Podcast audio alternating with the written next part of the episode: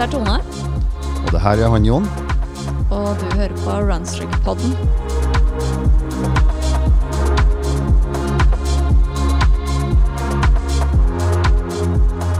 Hei, Jon. Ja, men hei, Tone. Hei. Hei, Mona. Hei, hei. Veldig hyggelig at du kunne komme. Takk for Veldig invitasjonen. Veldig hyggelig å få lov til å komme hit. Mm. Jeg tenkte jeg skulle en liten introduksjon til hvem du er. Mona Kjelsberg. Eh, lege og spesialist på idrettsmedisin. Eh, jobber på NIMI og Romerike idrettsmedisin. Eh, og så har du vært lege for Olympiatoppen, eller er lege for Olympiatoppen. Jeg har jobbet på Olympiatoppen tidligere, det stemmer. Mm. Driver langt og lenge Ja, sammen med mannen din. det er masse, noen av de beste, eller mest kjente norske ultraløperne. Eh, og så har du be brukt sommeren på å løpe Norge på langs på sti fra Nordkapp til Lindesnes. 83 dager alene, selvforsynt. 2. juli til 24. september. det stemmer. Det er en lang reise. Det er en veldig lang reise. Det er tidenes eh, lengste husmorferie så langt, tror jeg. I hvert fall i vår familie. Ja, ikke sant? Ja. Det er Lenger enn husmorferien jeg har hatt også, så. Mm. Ja, for det er jo faktisk to og en halv måned, da, eller cirka. Ja, Ja. drøyt det, faktisk. Så sommeren ble på en måte borte, samtidig som den ble full av masse spennende innhold. Ja. Og, og hvor mange kilometer eh, var det egentlig til sammen? 2670 er det på Mm. kartet. Så er det nok litt lenger i virkeligheten. Men eh, jeg hadde dessverre en eh, GPS-klokke som streika underveis, så helt nøyaktig har jeg ikke. Så det er nok litt lenger enn det. Ja. Mm. Yes. Ja, det vil da si at Norge er lenger enn Galdhøpiggen er høy. Ja, det har ikke jeg tenkt på, men det stemmer nok det, da. Ja. Lenger på langs enn i høyden. Ja. ja. 2469 er gallepiggen. Galdhøpiggen. Ah, ja. Mhm. Altså, ja.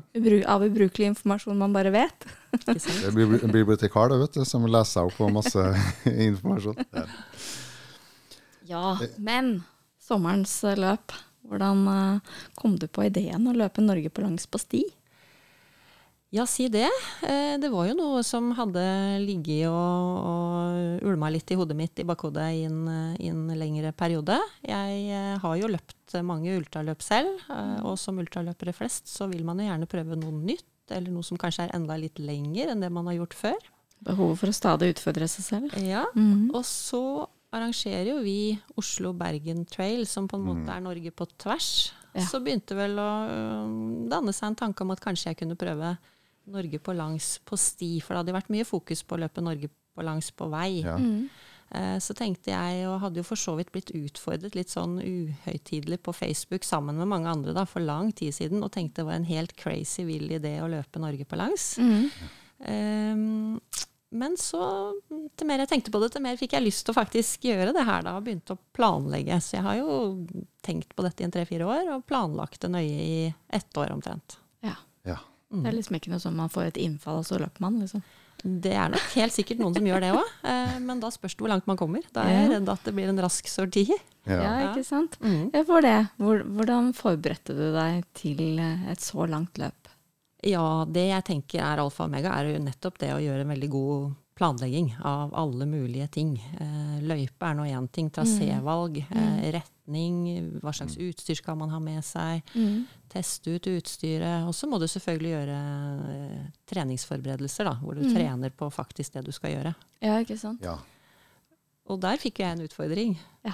Eh, Fordi jeg var jo da eh, i eh, OL først, i Beijing, i Ja. fire uker.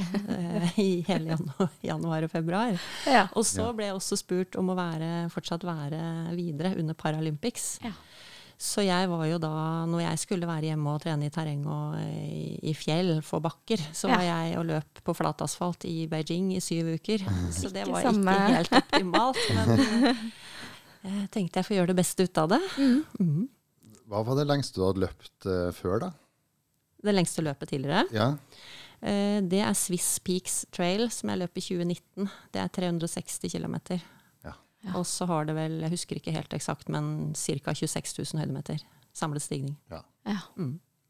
Så du har jo løpt en del. Du er ikke en novise innenfor lange løp. Det er jeg ikke. Og jeg tenker jo at det er en fordel å ha kjent litt på kroppen det å kunne løpe mer enn eh, ett døgn eller to når du skal være ute en, en hel sommer og Mm. klare deg alene. Så så hjelper det å ha litt ballast i sekken av den type erfaringer. Det øker sannsynligheten for å klare det, i hvert fall. Ja, um, og du var jo selvforsynt. Klar deg selv. Hva, hva innebærer det når du, man sier at man er selvforsynt? Eh, Det innebærer at du skal klare deg selv. Du skal ha med deg det utstyret du trenger, eller du skal proviantere og skaffe deg det utstyret du trenger underveis selv, uten hjelp av andre. Så mm. være selvhjulpen, da. Ja. Ja. Så ikke noe følgebil og ingen personer som kommer og bringer ting for meg, eller kjøper ting for meg hjem og gjør det selv. Jeg kan gå i en butikk og, og handle mat, men uh, uten hjelp av andre. Ingen får tilbudt deg en vaffel, liksom? Du må Nei, jeg Aktivt har jo ta nei, i utgangspunktet ikke. Jeg tok nok riktig nok imot eh, tre striper sjokolade og en kald, kald julebrus på Finnmarksvidda, men utover det så klarte jeg meg helt selv. Ok. Jeg tenkte at det er ganske uskyldig, da. Ja da, det er vel innafor. Ja. Ja. ja, fordi det var Er det ingen som har løpt hele sammenhengene før? Nord, Eh, Det er mange som har gått Norge på langs, Ja. men eh, at de har kalt det å løpe, er det vel kanskje ingen som har gjort, så vidt eh, meg bekjent i hvert fall. Nei. Kan hende noen har gjort det likevel, men ja. Um, Det finnes jo de som gjør sånt i det stille. Det gjør, gjør nok Ja. det. gjør nok Ja, det. ja. Ja. Og så er det jo mange mulige traseer å velge. altså Veldig mange forskjellige varianter av traseer. Så jeg tok utgangspunkt i det som kalles for Nordryggstien. Mm. Den ligger ute på UT sine sider. Ja. Eh, Men jeg har gjort noen modifikasjoner av den, for min, mitt ønske var å holde meg mest mulig på sti og i terreng, og minst mulig på vei. Ja. Ja, og da har jeg kuttet ut noen av de veistrekningene som ligger på UT sin eh, versjon, da. Ja. GPS-fila der. Mm.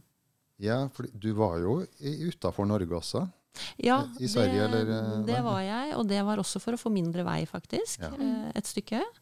Eh, Og så er det vanskelig forbi Rago nasjonalpark. Der er det jo isbre og vanskelig å holde seg på den norske sida hele tida. Så jeg var en liten sving inne i Finland og litt i Sverige. Godt det ikke er eh, hard grensekontroll med pass og Det, grensa var veldig besynderlig. Man merker nesten ikke at man passerer grensa i det hele tatt. Nei, Det er kanskje et lite skilt som uh, sier at nå er du i Sverige eller nå er du i Norge. Det er det eneste. Ja, ikke sant. Ja. Ja. Um, jeg tenkte på um, hvor mye utstyr hadde du med deg? Hvor, hvor tung var sekken din? Ja, dette var jo også gjenstand for nitidige forberedelser og testing og utprøving. Jeg vil jo gjerne ha en så lett sekk som mulig, Mm. men samtidig ha med meg en nødvendig og tilstrekkelig utstyr. Ja.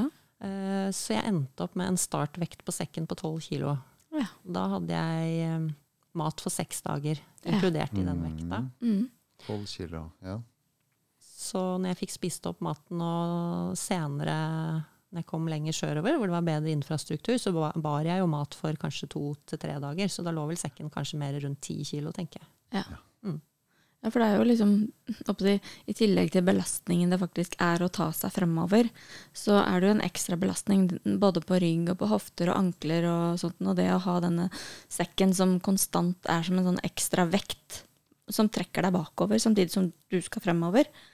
Det er eh, helt riktig. Og vi som har løpt ultraløp, er jo vant til å løpe med sekk, men den Mm. veier jo kanskje ofte tre-fire kilo. Og det er ganske stor forskjell på det og, og det å bikke ti kilo Ja. når du skal løpe. Så det er lurt å ha trent med det. Ja. Så måten jeg løste det på nede i, i Kina, var å fylle sekken med vannflasker. Så, med med ca. den vekta jeg trodde jeg kom til å løpe med. Så, så jeg løp jo da rundt med tomme colaflasker som var Eller ja, Ja. fylt med vann, da. Fylt med vann, Ja, ja. fylt med vann. Mm. Når man må finne de løsningene som man har til hånde, rett og slett. Altså. Ja, det Ja. gjelder å være litt kreativ. Ja, det er jo, ja, fordi I starten der oppe i Finnmark så måtte, det jo være langt mellom hyttene og, og steder hvor du kunne få tak i mat. da. Ja, der er det veldig langt, så derfor jeg måtte ha med mat for seks dager. Hadde da Ja. egentlig bare beregna det akkurat. Så jeg hadde egentlig ikke noe slingringsmonn der hvis jeg skulle bli forsinka en dag. Da hadde det blitt eh, dårlig med mat eh, en dag eller to, ja. Ja, ja. Og jeg tenker når man holder på, altså kroppen er i driv sånn hele tiden, og man får vel kanskje etter hvert at du klarer å slappe av, men, men det er noe med at når man starter i en sånn driv, så er, er jo kroppen litt sånn i fight or flight egentlig, fordi man går på adrenalin, og det der å kunne gå ned og få sovet og hvilt, det, det er kanskje ikke så lett, og da trenger man jo nok næring for å på en måte fungere allikevel. Det er riktig det, og jeg hadde jo mm, en tanke om hvor mye mat jeg ville trenge. Men eh, jeg fikk en liten lærepenge der etter hvert. Ja. Ja, Du trengte mer enn du trodde, eller? mer enn jeg Flere trodde. kalorier. Ja. Ja, det gikk en god del flere kalorier. Og Ja. kanskje også, som du sier, fordi det er litt sånn fight or flight, og man er full av adrenalin og full av Mm. energi. Så de første dagsetappene ble veldig lange. ja. Og til flere timer du holder på, selv om det er lavt tempo, så Jo, jo. bruker du jo mer energi. Så Ja.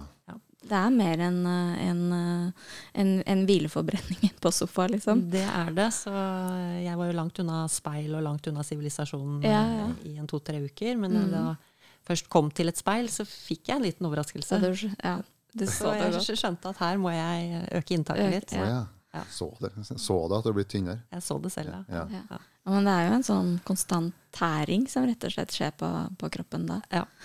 Se, man ser jo det på disse eh, folk som driver med ekspedisjoner, spesielt polfarerne, da, men der har du kulden som et element i tillegg. Hvor de liksom snakker om at de trenger 10 000 kalorier per dag, men så er man ikke i stand kanskje til å få i seg all den altså Du klarer ikke å kompensere for forbruket, kanskje? Nei, det er vanskelig å få i seg tilstrekkelig. Mm. Eh, samtidig så er mat veier mye. Det er jo noe Ja. av det i sekken som veier mest. Ja. Ja. Så, så det blir en avveining, da. Ja, Ja. Hvor mye, hva, hva er nødvendig, og hva er tilstrekkelig? ja ikke sant? Ja. Det er sånn. Og det, de, de to blir jo litt sånn motpoler, kanskje. Så, Ja, ja. Ja, ja. Eh, distansen. Du løp et sted mellom 30 og 40 km per dag. Eh, hvordan kom du fram til eh, hva du tenkte var en sånn god balanse? Ja, der hadde jeg egentlig ikke lagt noen dagsetapper på forhånd i det hele tatt. Jeg tok det litt etter eh, terreng, etter egen dagsform, etter uh, værforholdene den aktuelle dagen, og så justerte jeg. Så, så det var ikke noe Jeg hadde ikke mm, lagt noe plan for at jeg skulle fra A til B for eh, de enkelte dagene, på en måte. Det, det justerte jeg fortløpende. og Eh, Så på dager med godt vær og godt terreng og god form, så ble det litt lengre etapper. Og kanskje var det dårlig vær, så, eller jeg hadde behov for litt kortere etappe, så, så ble det sånn. Ja. Ja. Ja. Så etappene varierte jo fra Jeg hadde jo noen etapper på over 60 km. Ja. Og så var de korteste var vel på 20 omtrent. ja, ikke sant? Altså, jeg bare lurer på en ting. Er det myggen? ja, i Finnmark. altså, Har du vært i Finnmark? Nei. nei, det er en av grunnene til at jeg ikke er veldig Ikke på sommertid. Ja, nei, den var, eh, den var eh, intens, rett og slett. Ja. Så jeg har sagt til mine venner og bekjente her på Østlandet at jeg skal aldri si et stygt ord om myggen på Østlandet noensinne etter å ha tråla over Hardangervidda, nei, Finnmarksvidda i verste insektsklekkeperioden for mygg der. Så var det nesten like slitsomt som å flytte beina framover. Ja. Ja. Da blir det liksom, Prøver å løpe fra myggen, liksom? Nei, det går ikke. Nei, den den, er den er der. Den er som en svart sky rundt deg hele Ja, tida. ja. Så etter hvert så blir det sånn at man må på en måte bare ha fokus på noe annet. Eh, Ja. Myggnettingen var på hele tida. ja. Eh, også når jeg spiste. Ja. Eh, måtte lure maten inn under myggnettingen. ja. Eh, og den var på når jeg sov noen av Ja. nettene. Ja. Mm. Og så må du på en måte, du får jo en masse myggstikk uansett, Mm. så må du på en måte bare ha fokus et annet sted. Mm. Hvis man tar av seg myggnettingen, så har du kjapt minst 30 myggstikk bare i panna i løpet av 30 sekunder. ja. Ja. Så mm, ja. Ja, Men det var et valg jeg gjorde, å starte i nord på den tida av Det året. Så tida. Ja. det var jeg på en måte litt klar over. Men, Ja. eh, ja. Men det er noe med det derre Hvis man ikke har opplevd det, så kan man ikke ta det inn over seg eh, før man faktisk opplever det. Nei, det er helt riktig. Jeg hadde aldri forestilt meg at det var så plagsomt som det faktisk var. Nei. Mm. Og man sånn- kan jo ikke ha myggspray litervis heller, og bare sprake tsk, med seg med Men det rare er at det hjelper veldig lite. Jeg Ja, prøvde ja. alle mulige remedier, så både som jeg hadde med selv, og som jeg fikk låne av noen andre jeg møtte. Men Ja. eh, det eneste som fungerer, er å stenge myggen ute med netting, myggnetting og klær. Ja. Det var flere dager jeg hadde på meg helt regntøy for Ja. å stenge myggen ute. Ja. Selv om det var varmt. Så Ja. det var jo også en, eh, gjorde også at man bruker ekstra mye energi og trenger ekstra mye drikke Ja. når det er varmt og med full, full, Blir sånn- full regnhabit. Løper i sauna, på en Mm, måte. ja, ja. Mm. Ja. Ja, det, det høres ganske, ganske omfattende ut, og ikke minst det der at det, ja, du, du kjemper litt underveis. Det er med helt andre ting enn det man liksom Man er forberedt på at kanskje magen slår seg vrang, at man får vondt et sted, at man har negative tanker, og at været er fælt. Men når du liksom får myggen i tillegg, det er nesten kulde å foretrekke, kjenner jeg. Ja, men jeg tenkte sånn at det- det skal i hvert fall ikke være myggen som stopper meg. Altså, Nei. man må på en måte prøve å, Ja. mentalt å gjøre Ja. en liten sånn twitch der, da. At jeg ha, tenke at eh, det, det var i hvert fall ikke dette jeg hadde forventa at skulle bli noe Nei, eh, som ødela turen min. ikke sant. Mm. Og så er vel litt sånn Men ting man gjør første gang, sånn, eller opplever første gang, det er kanskje litt sånn ignorance is bliss. Man har ingen formening om hvor ille det kan være, og så har du ikke lyst til, som du sier, at det skal stoppe deg. Og da, da er det jo bare å kjøre på, da. Da Ja. er det liksom Ja, må bare gjennom Finnmarksvidda, rett og slett. Ja, Og så visste jeg jo at det ville bli bedre. Ja. Altså, tida jobba jo for meg når jeg da kom sydover, så Ja, ja, visste jeg jo at det verste insektperioden ville være over uansett. Ja. Ja, ja. Ja. Mm. ja, for det var senere på året. Ja. Mm. Men altså, i tillegg til mat, det var jo, du trenger jo ikke å ta hele lista, da, men altså, du måtte jo ha litt skift, og kanskje en ekstra sko, og staver, jeg vet ikke, medisinsk utstyr, nødutstyr, Ja. elektri elektrisk utstyr. Mm. Eh, Jeg hadde veldig fokus på å ha kvalitet på det jeg hadde med meg av utstyr. Så jeg kjøpte nytt, dyrt, fint Gore-Tex regntøy, som er vanntett og vindtett. Ja. Eh, og så hadde jeg ullundertøy, altså genser og bukse. Eh, litt sokkeskift, litt undertøyskift. Eh, som du sier, førstehjelpsutstyr. Um, navigasjonsutstyr. Garmin Inreach Mini 2 eh, hadde jeg med meg. G ja, GPS. GPS, altså, som brukes til satellittkommunikasjon, så Ja. man kunne se hvor jeg var hen til enhver tid. Ja. Eh, kompass, selvfølgelig. Altså et, eh, faktisk et fysisk kompass. Eh, må ta høyde for at eh, ting kan skje. Eh, jeg hadde med meg utrolig lite toalettsaker. De er sånn luksus som jeg ikke unte meg. Jeg hadde et uh, mikrofiberhåndkle Ja. på ca. 15 ganger 15 cm. Og noen, noen, ja. noen flak, med, flak med såpe. Sånn tynn, tynn eh, flak. Ja. Og så hadde jeg en hel tannbørste. Jeg kutta ikke lengden på tannbørsten for å spare de tre grammene der. Det så jeg ikke noe hensikt i. Heller ha en god tannbørste å holde i. Absolutt. Uh, men jeg hadde veldig lite ekstra klær. Jeg hadde en um, mellomlag eh, dunjakke. Og så hadde jeg selvfølgelig lue og hansker. Vindtette, vanntette hansker. Og bøff. Ja. Eh, Så hadde jeg ikke ekstra sko i sekken, men jeg hadde sendt til meg selv en depotpakke. Eller jeg hadde sendt flere depotpakker til meg selv flere steder. Ja. Inkludert sko, da. Skjønner. Ikke staver. Jo, staver hadde jeg. Staver hadde jeg. Staver hadde jeg. Eh, De brukte jeg ikke så mye den første delen av løpet, men eh, jeg brukte de, de var veldig nyttige. Jeg vadet veldig mange elver, særlig i nord. Og da var de nyttige å ha, for det er ofte sleipe steiner. Så, Ja, Ja. ja. og strøm i elva, så var det veldig godt å ha stavene som en trygghet. Ja. Sånn liggeunderlag og biuvak hadde du ikke, for du overnatta ikke ute? Jo, jeg hadde liggeunderlag og sovepose og telt. Oi. Mhm. Ja. Det var mye på tolv kilo, det. Ja, det var jo den lette, ultralette varianten av alle Ja. disse tingene. Mhm. Man får jo telt ned i 100 gram og sånn. Ja. Teltet mitt veide en halv kilo omtrent. Er Et enmannstelt. Mm. enmannstelt. Mm. Og hvilke sko løp du i? Er du sponsa? Jeg er ikke sponsa, nei. kan si. Kan si det. Jeg uh, har prøvd veldig mange forskjellige typer sko opp gjennom årene. Og har hatt mye utfordringer med føttene. Uh, Skader og diverse. Så det som passer meg veldig bra, og som også har veldig godt terrenggrep, er La Sportiva. Så det Ja. brukte jeg. Ja. Så tre ulike par med La Sportiva-sko ble brukt på turen. Ja. Mm. Det syns ikke jeg var så verst på 2500 km. Nei, eh, de første holdt i ca. 1000 km.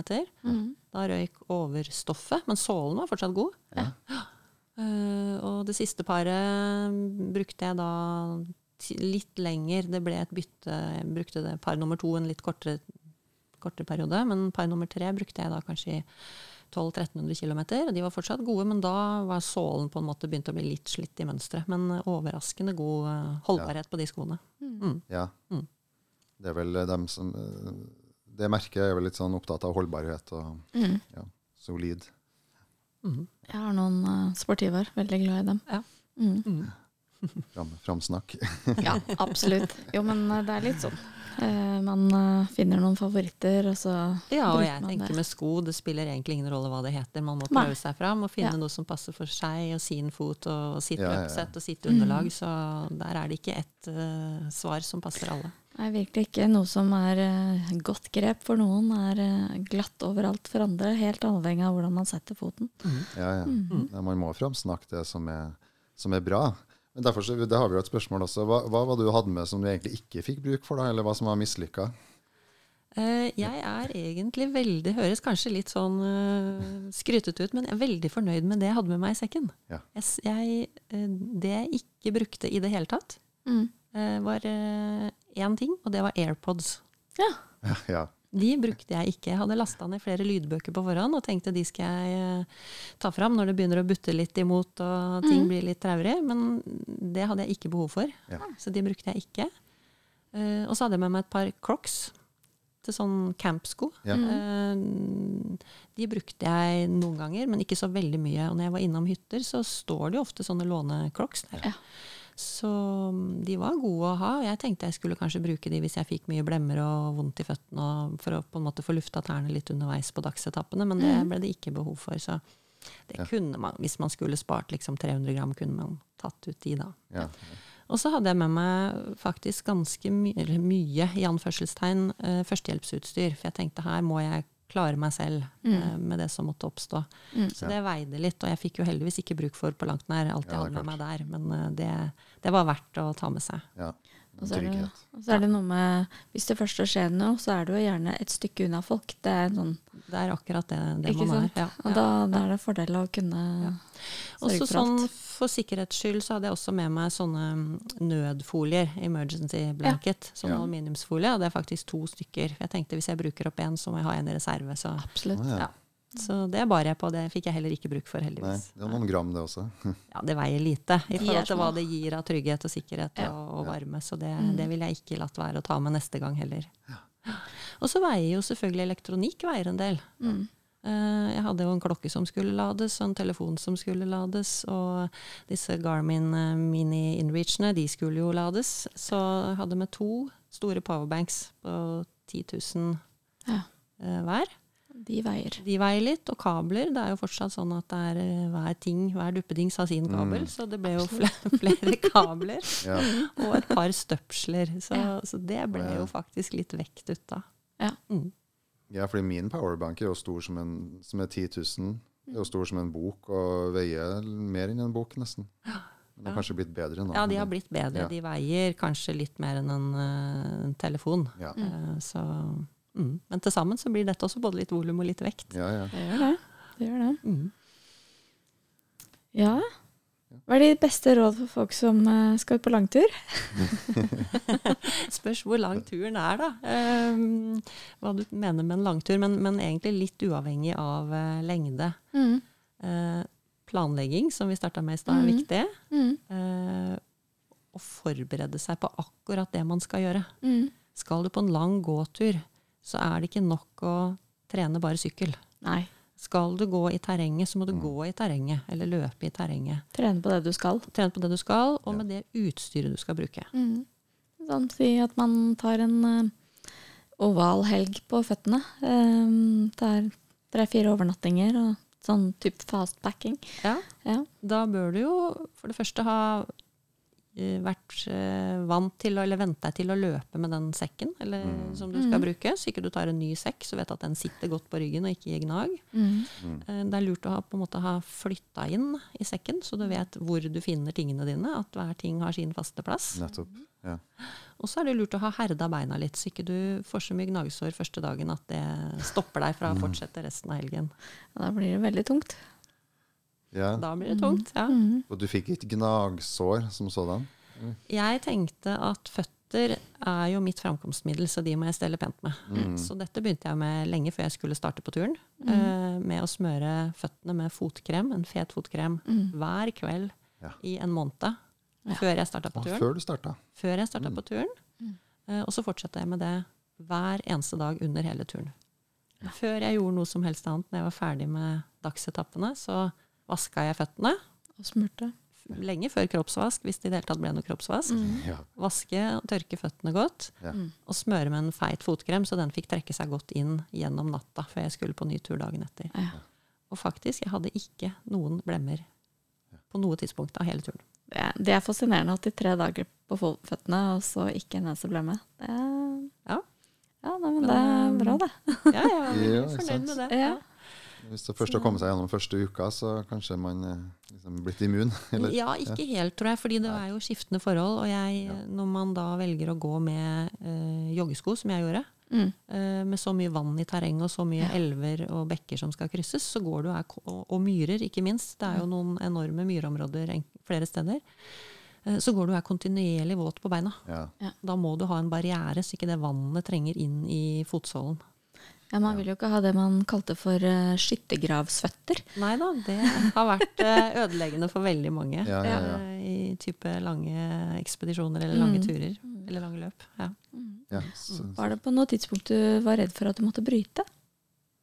Ja, de som har fulgt med litt på Instagrammen min, de leste vel det at det hang litt i en tynn tråd der eh, en periode. Det var eh, dag eh, 32-33 omtrent. Jeg hadde kommet litt lenger enn 1000 km. Så begynte jeg å få vondt i den ene ankelen. Ja. Um, tok én hviledag. Det trengte jeg også, for jeg var sliten. Ja. Uh, og så gikk det veldig bra i to dager, og så kom de smertene i ankelen tilbake. Ja. Uh, da fikk jeg meg nok en liten eh, demotivasjonsknekk der, ja. Eh, og tenkte da tar jeg en kort etappe, og så tar jeg en hviledag. Mm. Og så var det jo nesten vondere etter en hviledag enn det var dagen i forveien. ja. Da måtte jeg gå noen runder med meg sjøl og Ja.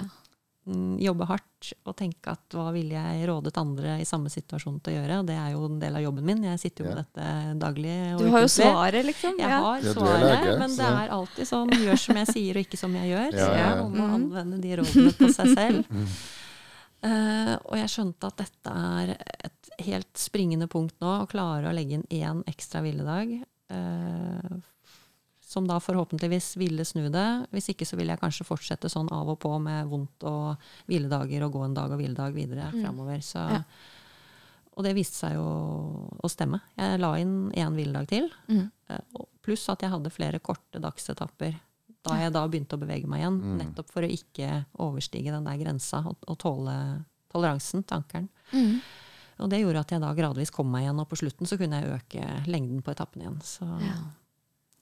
det er en veldig nyttig lærdom for meg, men også forhåpentligvis for andre. At Ja. hvis du får vondt et sted, så ro ned med en gang, og Mm. legge inn en hviledag eller tre. Mm. Så kanskje faren er over. Ja. Mm. Man må, må lytte til kroppen. Mm. Ja. Så da forsvant den smerten, altså? Ja, den roet seg i hvert fall ned. Eh, og da tok jeg fram stavene og brukte de mer også, for å avlaste foten mer når jeg gikk. Så det er også nyttig å vite. Og så er det litt med type underlag man går på, hva slags eh, skade man har. Eh, hvor jeg da kom på områder hvor det var fastere underlag, så var det bedre for ankelen min enn å gå i veldig steinete eller myrete terreng, f.eks. Ja. ja. Mer stabilitet og ja, Ja. ikke for mye sånn- sånn slitasje fra side til side. Og, Nettopp. Pluss at jeg da fikk bytta etter hvert til mer stabile sko. Ja. Mm. Så kombinasjonen av flere ting der så gjorde at eh, jeg klarte å ro det i land. ja. Mm. Men det kunne ha gått falt ned på feil side, skulle jeg si. Jeg kunne det, men dette visste jo jeg før jeg starta. Og jeg har jo en, eh, hadde en stor operasjon i foten ett og et halvt år før jeg starta. Ja. Eh, så hvor de har Det er satt inn flere store skruer nedi i foten min. ja.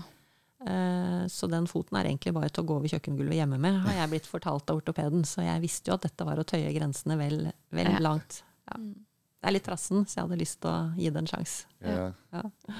Det gikk jo, da. Så. Veldig fornøyd med å komme til Lindesnes. ja, det er Ja. godt å høre. Jeg jobber jo med ortopeder også i jobben min. Som, og noen hadde jo sagt at du, du vet at du er gal, du ødelegger deg sjøl. Ja, Så men godt å høre eh, at- det, er, det er gøy å være litt gal. Og så lenge det bare ja. går utover meg selv, tenker jeg, så, Mm. så er det greit. Ja, Mm. og Så lenge man vet hva man går inn i, Ja, og nettopp. har gått gradene og har testa det ut. Ja. Det er ikke nødvendigvis noe jeg vil anbefale andre å gjøre sånn eh, fra den ene uka til den andre. Man må Nei. prøve seg frem litt. Ja. Ja. Da kan man tillate seg å være litt gæren. Ja, Ja. Ja. helt klart. Ja, Ja. men eh, hvis vi da skal smooth over til eh, ditt virke som idrettslege. Ja. Ja, Hvordan kan vi klare å holde kroppen sunn og robust, sånn at vi kan løpe resten av livet? Ja, det er jo et stort spørsmål å svare på. Eh, det vil jo vi.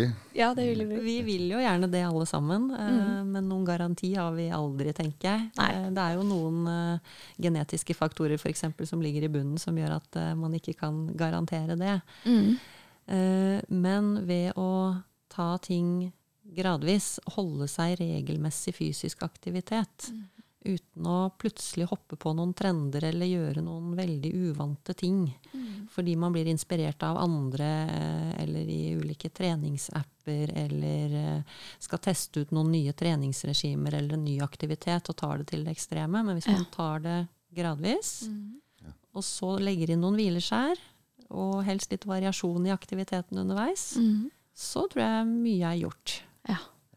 Og så er det jo lurt å regelmessig trene litt styrke. Og det forebygger jo skader og plager. Og det blir viktigere til eldre vi blir. Ja, for det er jo det òg. Eh, I hvert fall vi kvinner kommer jo etter hvert i overgangsalderen. Eh, og så kan man plutselig oppdage at eh, det som har fungert så bra så lenge Plutselig så restituerer du ikke, eller eh, du klarer ikke å presse fart. Altså det er liksom mange ting som gjør at man plutselig ja, kanskje ikke syns at det er så gøy engang. Altså man mister litt motivasjonen fordi kroppen ikke fungerer og ikke responderer. Mm. Mm. Uh, og sånn er det jo, menn kommer jo også i overgangsalderen. Og særlig det som skjer etter overgangsalderen, er jo at man nettopp taper mye muskelstyrke. Ja. Og restitusjonsprosesser går senere, det tar lengre tid. Mm. Uh, Men da gjelder det jo på en måte å prøve å holde motet oppe. Kanskje finne seg noen å trene sammen med, så man kan ha det gøy. Finne variasjon. Hva liker jeg? Og så ikke ha så mye fokus på tid og plasseringer. Ja. Ja. Tror jeg er lurt. Legge lista lavt nok, for da er det viktigste er jo å komme seg over den berømmelige dørstokken og faktisk få gjort noe og være fornøyd med seg selv. Ikke sette seg sånne urealistiske mål, for da blir det jo en, ofte en negativ sirkel hvor hver økt blir bare mer demotiverende enn den foregående. Hvis man forventer fremgang, og så får man ikke fremgang. Ja. Så kanskje man kan ha fokus på andre ting enn tider og plasseringer. da. Komme, løpe et nytt sted, eh, delta i en annen type aktivitet. eh, Ja, sette seg andre mål. Eh, Jeg for eksempel er veldig glad i å Jeg løper jo ikke så fort lenger, men jeg har begynt å løpe lenger isteden. Ja.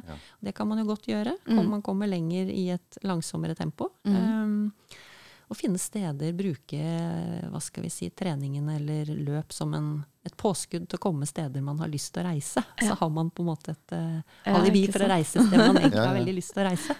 Så det er glede og inspirasjon fremfor prestasjon, kanskje? Absolutt. Ja. Og så Ja. være fornøyd med det man får til. Ja. Ja, Ikke måle seg nødvendigvis med andre hele tida, men måle seg med seg selv. ja. Ja. Ja. Mm. Man eh, vil jo kanskje oppdage at man plutselig har gjort mye allikevel, da, når man ser litt i bakspeilet. Absolutt. Ta litt bilder, kanskje. Ha litt fokus på andre ting. Legge inn et bad på en løpetur, eller Ja, ja. litt sånn, gjør litt morsomme ting, da. Ja.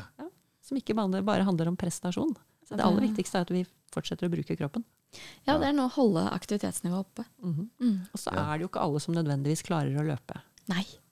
langt inn i alderdommen. Nei. Men det er jo en del andre morsomme ting man kan gjøre. Man kan jo i første omgang begynne å gå, f.eks. Mm. Ja. Og hvis man ikke det er tilstrekkelig for å avlaste for smerter, kan man bruke gåstaver. Mm -hmm. mm. Ja. Og så kan man jo gå på mykt underlag, variert underlag, i stedet for å gå på vei. Mhm. Eh, og så er det jo veldig god trening f.eks. å gå i motbakke. Ja. Så det er jo ikke noe vanskelig å få belastet hjerte og lunger og, og bevare, eller til og med øke muskelstyrke. Det er Mhm. fullt mulig å få stor økning i muskelstyrke Mm. selv om man har passert 50, som du sier. Ja, ja. Ikke noe vanskelig det. Man må bare tenke litt kreativt. Ja. Bruke bakker og bruke det terrenget som er rundt seg. Eventuelt ta på seg en ryggsekk som veier litt. Det er ja.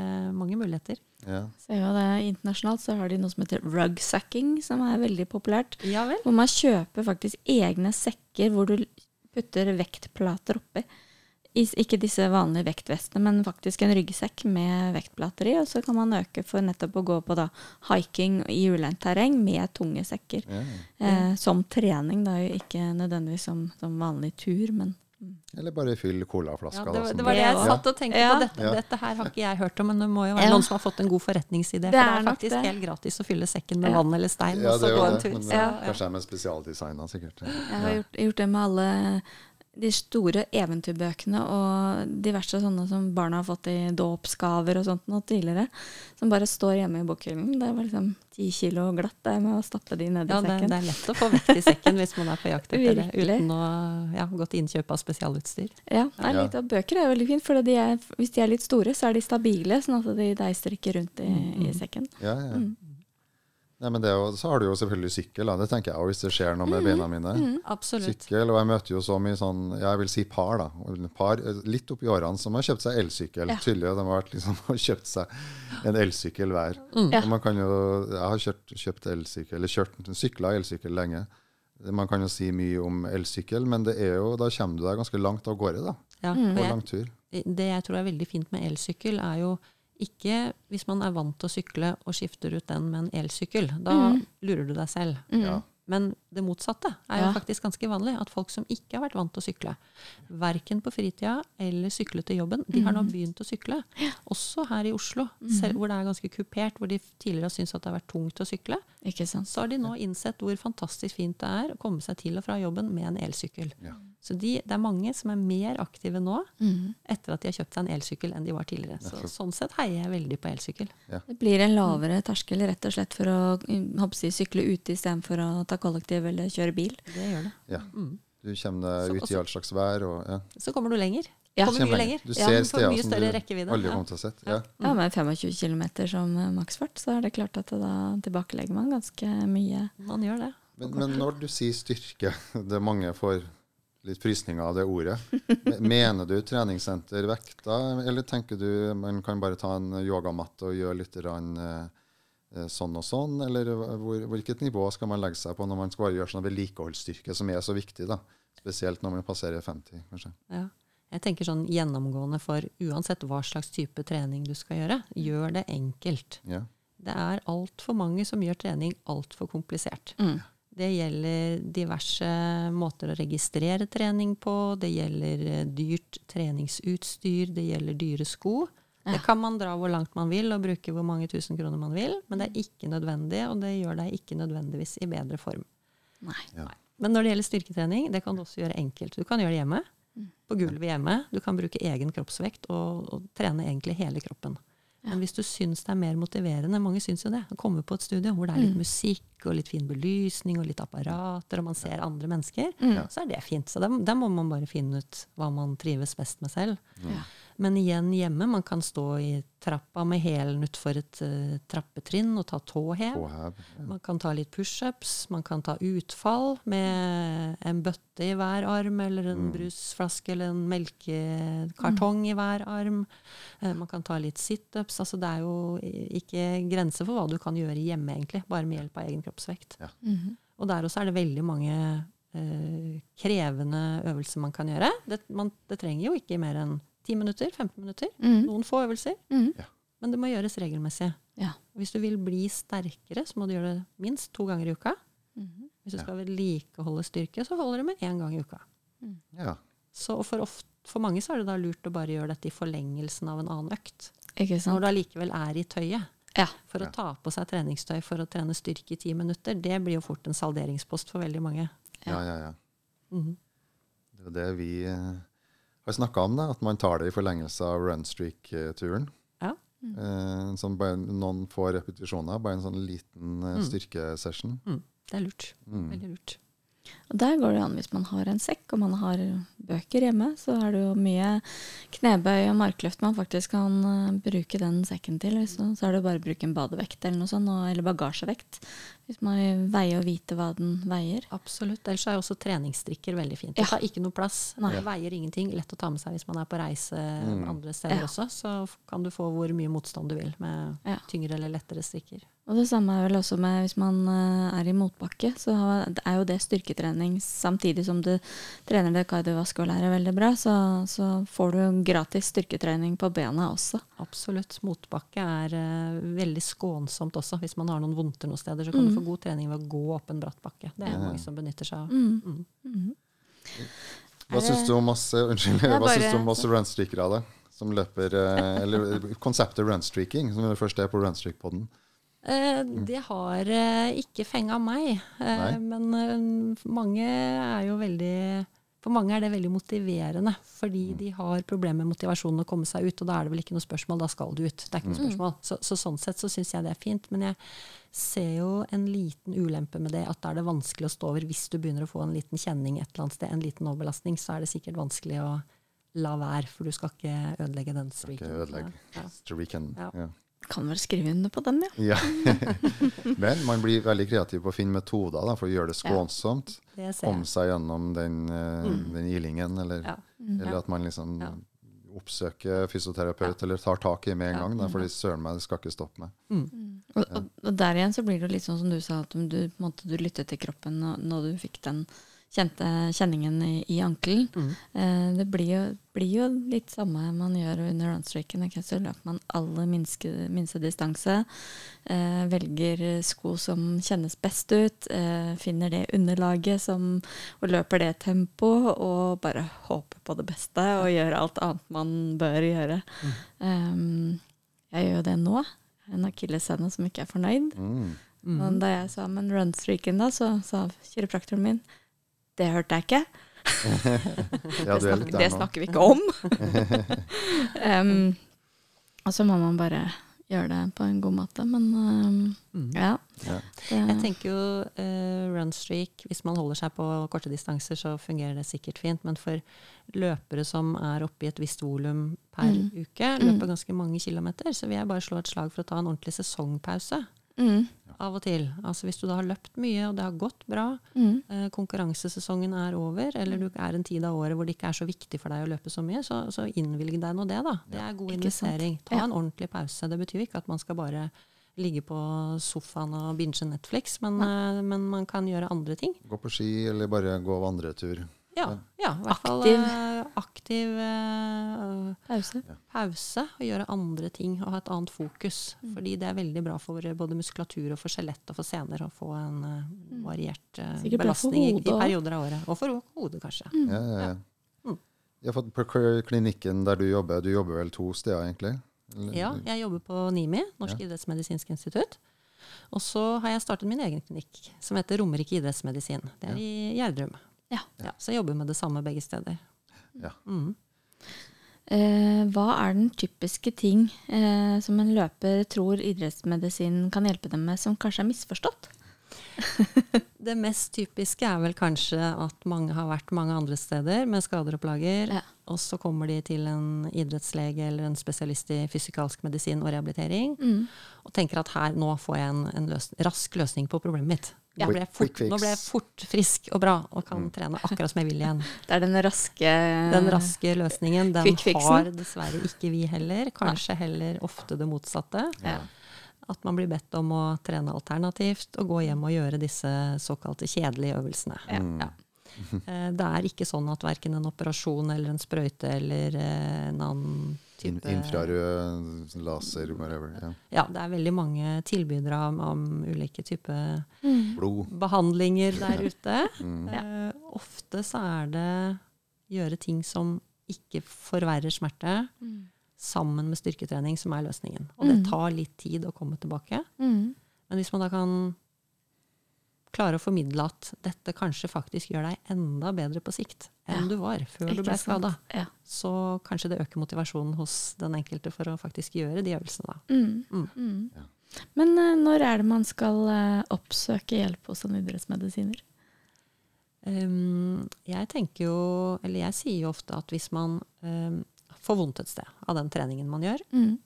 så ta en pause først. Gjør noe mm. annet. Ta en pause, ta en hviledag eller to eller tre. Mm. Hvis du da fortsatt har vondt, og ikke skjønner hva det kommer av, hvis dette er en ny plage for deg som ikke du kjenner fra tidligere, så vil jeg anbefale at man får en som har litt idrettsmedisinsk kompetanse til å gjøre en vurdering.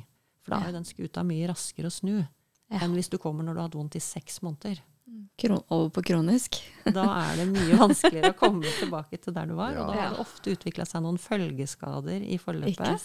Fordi du kompenserer med en annen del av kroppen eller en annen del av Ja. samme kroppsdel. Ja. Og så har du det gående. Ja. Mm. Da blir det så mange ting man må ta tak i. Ja, nettopp. Ja. Mm. Kan, kan det være lurt å komme sånn profylaktisk, eller forebyggende? At man oppsøker hjelp for, for, liksom, for at man vil bare forsikre seg om at man holder seg frisk? Og, Da er det egentlig ikke så lett å, å komme med noen konkrete tips. Nei. Da må man i så fall gjøre mer sånn avansert styrketesting, f.eks. For eksempel, fordi man vet jo at hvis det er mer enn 30 forskjell i styrke på høyre og venstre bein, f.eks., Mm. Eh, Da må du måle det. Må du ha apparater oh, ja. måle det. Ja, ikke sant. Ok, Og da, da er du mye mer utsatt for å få en skade. Mm. Men det kan du også teste ut selv, hvis du gjør ettbeinsøvelse f.eks. i et treningsstudio, eller hjemme også, og så ser du om det er stor forskjell i styrken. Mm. Og da ville jeg jo kanskje, hvis du oppdager det, tatt kontakt med en fysioterapeut som kan Mm. gi deg noen gode øvelser. Og, Men da handler det jo ofte om å gjøre ettbeinsøvelser. Ellers så vil du lure deg selv. Hvis du gjør tobeins knebøy f.eks., Mm, eller knestrekk, Ja. Mm. Så, så vil du maskere at det ene beinet faktisk er mye sterkere enn det andre. Og det, Ja, interessant. Mm. det, er jo, det merker jo jeg nå, for det, jeg eh, prøvde å ta tåhev. Og det går veldig bra med høyre ben, men ikke fullt så bra med venstre. Nei. Men det var nettopp for å se hvor det lå. Men det går veldig bra samtidig. Og det er jo Tåhev er jo kanskje en sånn veldig enkel ting man kan teste selv.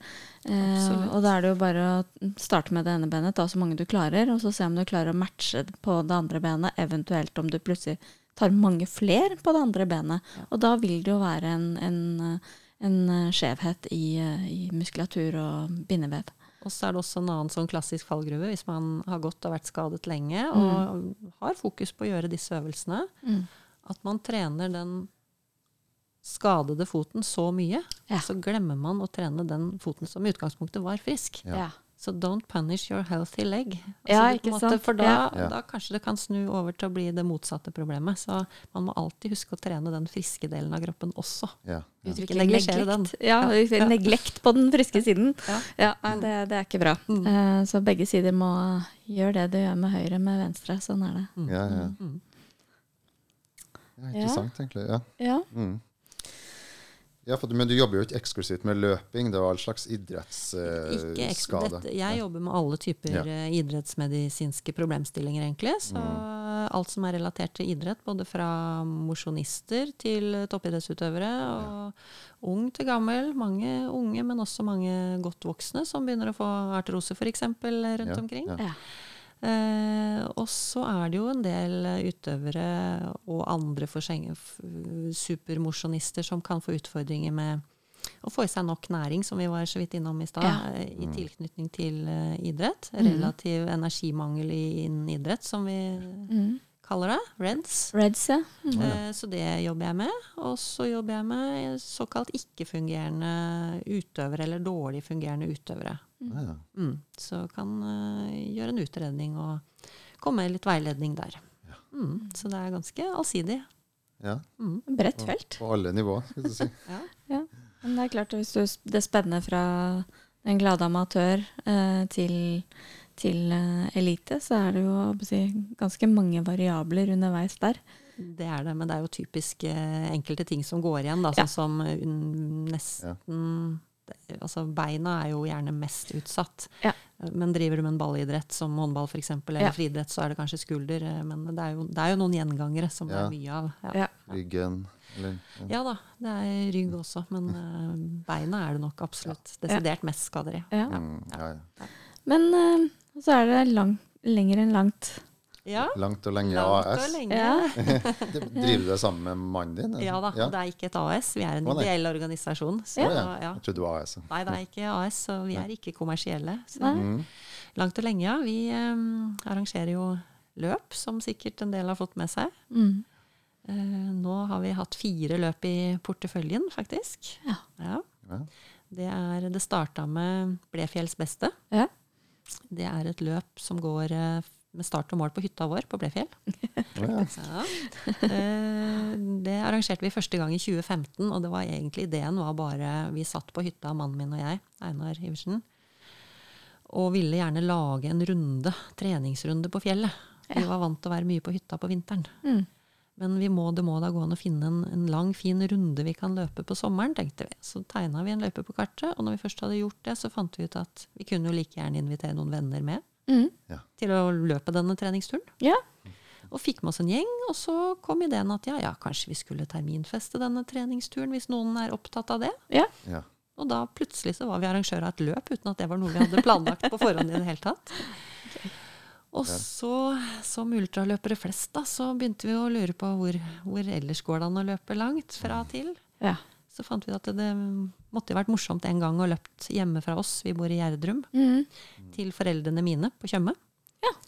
Og da gikk det et år, så hadde vi da eh, satt i gang å arrangere Soria Moria til verdens ende. Ja, som er et 100 miles-løp? Det er 100 miles, eh, eller da altså 100, Halvparten. 168 km blir det faktisk i år. Mm. Ja. Mhm. Og halvparten kan man løpe. Ja. Ja. Eh, Så det har vi arrangert nå siden 2017.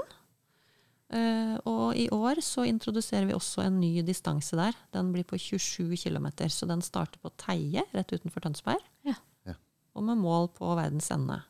Og det nye med den løypa er at den blir også merka. Så der er det godt mulig for folk å være med som ikke er kjent med eller liker å måtte navigere selv. Så det blir en merka løype. Ja, alle kult. kommer til verdens ende, det er bra. Alle kommer Ja. til verdens ende. Det er veldig flott å gå i mål der. Du må det ikke ha klokke eller noe Da må du ikke ha klokke, Ja. ingenting. Du må bare møte opp, og så kan du bruke nesten hvor lang tid du vil. holdt jeg på å si. Ja. Vi stenger ikke målet før på kvelden, så der kan du bruke veldig Du kan gå gjennom den løypa og klare det hvis du ønsker. Ja, ok. Mm. Fantastisk. Ja. Så det er de to løpene. Og så uh, har vi arrangert Oslo Trail Challenge. Eh, som går gjennom hele Nordmarka og Lillomarka og Romeriksåsen. Mm. Mm. Og så, i fjor, arrangerte vi for første gang da Oslo-Bergen Trail. Ja. Ja. Fra Oslo til Bergen, i terreng og på sti. 515 km, som en lagkonkurranse. Det ble veldig populært. Det ble veldig populært. Og det var Ja. veldig gøy å følge fra sidelinje. Så ble det selvfølgelig litt redusert deltakelse pga. koronarestriksjoner. Mm. Ja. Eh, nå tror jeg mange sitter og er nesten klare ved tastaturet allerede for å være sikre på å få en plass Mm. i andre versjon av løpet, som går til sommeren. Mm. Ja, for det er 2023. annethvert år. Det er annethvert år. Det er, eh, legger beslag på mye av våre ressurser å arrangere dette. Vi er en liten stab. Ja. Vi, vi vil, hint, hint, vi vil gjerne ha flere frivillige til Oslo-Bergen Trail 2023. Ja. ja. når er påmeldingen, da? Påmeldingen åpner nå om 14 dager. Den åpner 15. november. Ja. ja. Og det er plass til 100 lag. Oi. Det er bra. Hvor mange er det per, per lag?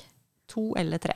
To eller tre. Så Mm. to, minst to løpere må fullføre. Ja. Og de løper sammen. De må holde sammen hele veien. Ja. Men hvis man starter med tre, så kan én gi seg underveis. Ja. Så noen føler at det er en liten sikkerhetsmargin, da. At Ja, man har én løper å spille på Ja. ekstra. Og Mm. det er vel Norges lengste løp, kanskje nesten, ja, utenom han Fulvio som driver og Eh, Ja, Ja, altså, det er Norges lengste løp per nå. Det er det, ja. Ja. 530 eller noe sånt? Ja, 515 km Ja. er det. Og så er det 18 000 meter samlet stigning. Ja.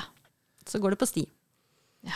Og så har vi lagt inn et par ekstra servicestasjoner nå til sommeren igjen. Så det blir ni servicepunkter hvor man kan Mm. spise og sove og få litt stell.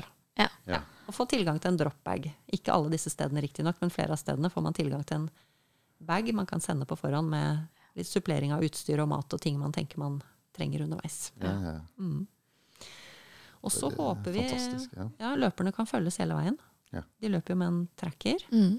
Vi håper å få til nå at vi kan bruke en um, satellitt-tracker denne gangen.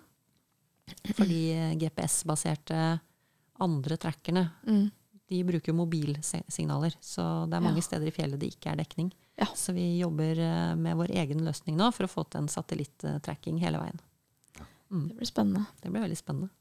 Det var fantastisk å følge i fjor sommer. eh, når de var innover, og eh, ikke, ikke minst liksom bare, bare det å se når de kom til Norefjell, liksom, var veldig spennende. For da hadde du liksom virkelig kommet et stykke på vei. Ja. Og så skal man videre innover. Og folk, når folk liksom kom til disse litt større sjekkpunktene hvor de kunne hvile litt, ja, så kom det jo stories, og det kom oppdateringer på folks Facebook-sider og i det hele tatt. Så det var jo virkelig gøy å følge med. Ja. Eh, det gjør jo liksom at løpet i seg selv blir jo veldig levende. Og Ja. så, sånn, Det tror jeg vi kommer til å oppleve i åra. fordi det var det vi erfarte. At det var veldig mange som egentlig ikke var i løpemiljøet i det hele tatt. Som hadde stor glede av å følge de lagene som deltok sist. Ja, ja. Så det vi gjør nå Det var jo dessverre mange lag som falt av allerede på Noresund. Det var ekstremt varmt i fjor, og en Ja. del ble tatt av blemmer på føttene. Ja. Mm, Og av heten. De var dehydrerte. De hadde fått i seg for lite drikke. Mm. ja. Eh, vi vet jo ikke hvordan været blir til sommeren igjen, selvfølgelig. Nei. Løpet går 6. til 15. juli. Ja. Eh, men vi har utvidet sperretida totalt sett med ett døgn. Ja. For å prøve å få flere igjennom. Vi vil jo gjerne at folk skal klare å komme seg Ja. til Bergen. Men eh, det vil nok være en stor frafallsprosent denne gangen også. Ja, ja, det skal være litt. Det skal være krevende. Det skal henge litt høyt. Ja. Det skal være litt mer enn en fottur til Bergen. Ja. Ja. Ja.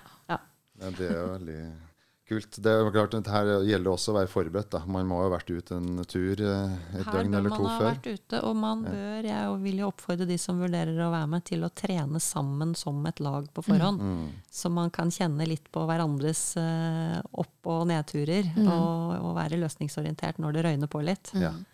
Og det tror jeg er veldig viktig at man kanskje Altså, alt fungerer bra når man har god energi og har det fint, men det er noe med den derre når du har disse nedepunktene, og ikke minst hvis alle tre får det samtidig, så må man på en måte klare å regulere seg i forhold til hverandre.